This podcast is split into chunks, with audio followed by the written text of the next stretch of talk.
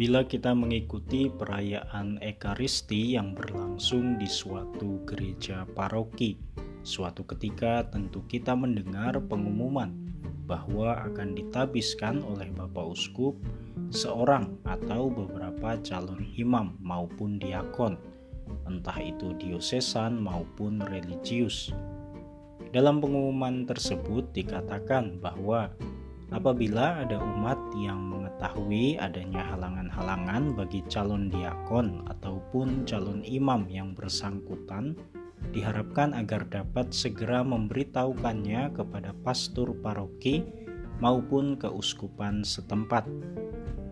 Halangan yang dimaksud tentunya bukan halangan mengenai waktu penyelenggaraan tahbisan, sehingga waktunya perlu dimajukan atau dimundurkan, tetapi halangan yang dimaksud ialah kendala-kendala yang memiliki pengaruh terhadap seorang calon diakon maupun imam berkaitan dengan pantas atau tidaknya ia ditahbiskan. Mengingat bahwa seorang tertahbis dalam hal ini para imam bertugas untuk merayakan sakramen-sakramen mengajar dan mewartakan sabda Tuhan serta ajaran-ajaran gereja, maka ada kualifikasi-kualifikasi tertentu yang mesti dipenuhi oleh setiap calon agar dapat ditabiskan.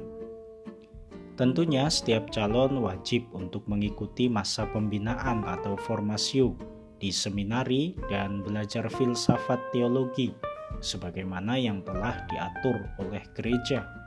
Tetapi tak hanya itu saja. Setiap calon juga mesti memiliki kecakapan moral yang baik sesuai dengan tuntutan gereja. Kecakapan moral setiap calon imam menjadi penting berkaitan dengan tutur kata maupun perbuatannya yang mencerminkan diri sebagai alter Kristus atau Kristus yang lain yang hadir di tengah-tengah umat beriman.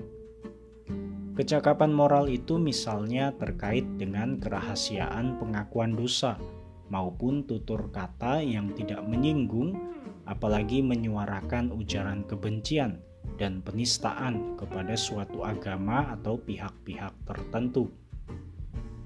Gereja sendiri secara universal dan juga melalui keuskupan-keuskupan maupun aturan-aturan yang berlaku pada setiap ordo kongregasi religius telah memiliki ketetapan mengenai kualifikasi-kualifikasi tertentu yang harus dipenuhi oleh setiap calon tertahbis. Kitab hukum kanonik mengatur secara baik dan mendetil tentang hal-hal tersebut. Dalam kesempatan ini, secara khusus saya akan menguraikan beberapa halangan-halangan tabisan yang diatur dalam Kitab Hukum Kanonik nomor 1041. Setidaknya ada sekitar enam hal yang dituliskan dalam kanon 1041 ini. Antara lain, pertama, yang menderita suatu bentuk kegilaan atau penyakit psikis lain yang sesudah berkonsultasi dengan para ahli dinilai tidak mampu untuk melaksanakan pelayanan dengan baik. Dua, yang telah melakukan tindak pidana kemurtatan, bid'ah atau skisma.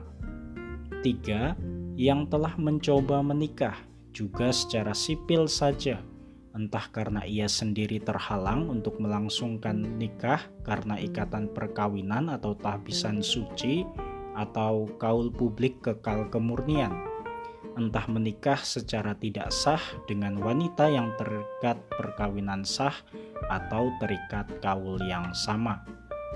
4. Yang telah melakukan pembunuhan secara sengaja atau mengusahakan pengguguran kandungan dan berhasil dan semua yang bekerja sama secara positif.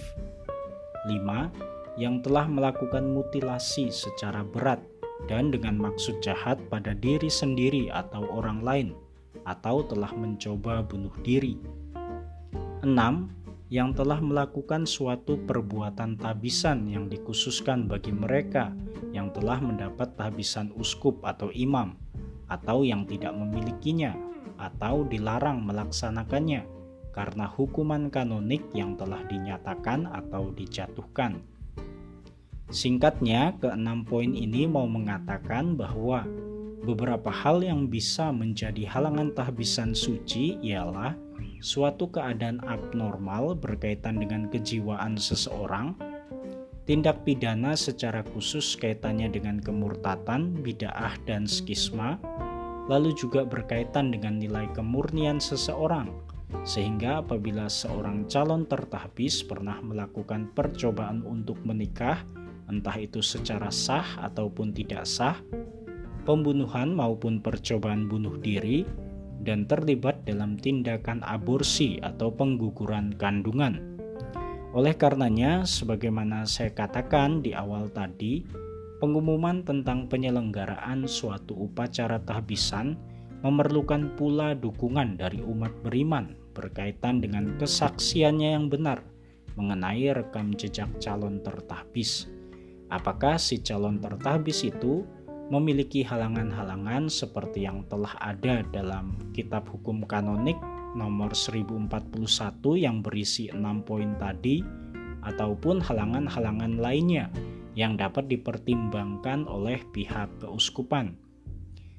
Maka sebagai umat beriman kita memiliki kewajiban untuk mendukung dan mendoakan calon-calon imam gereja Katolik agar dapat menjadi gembala yang baik.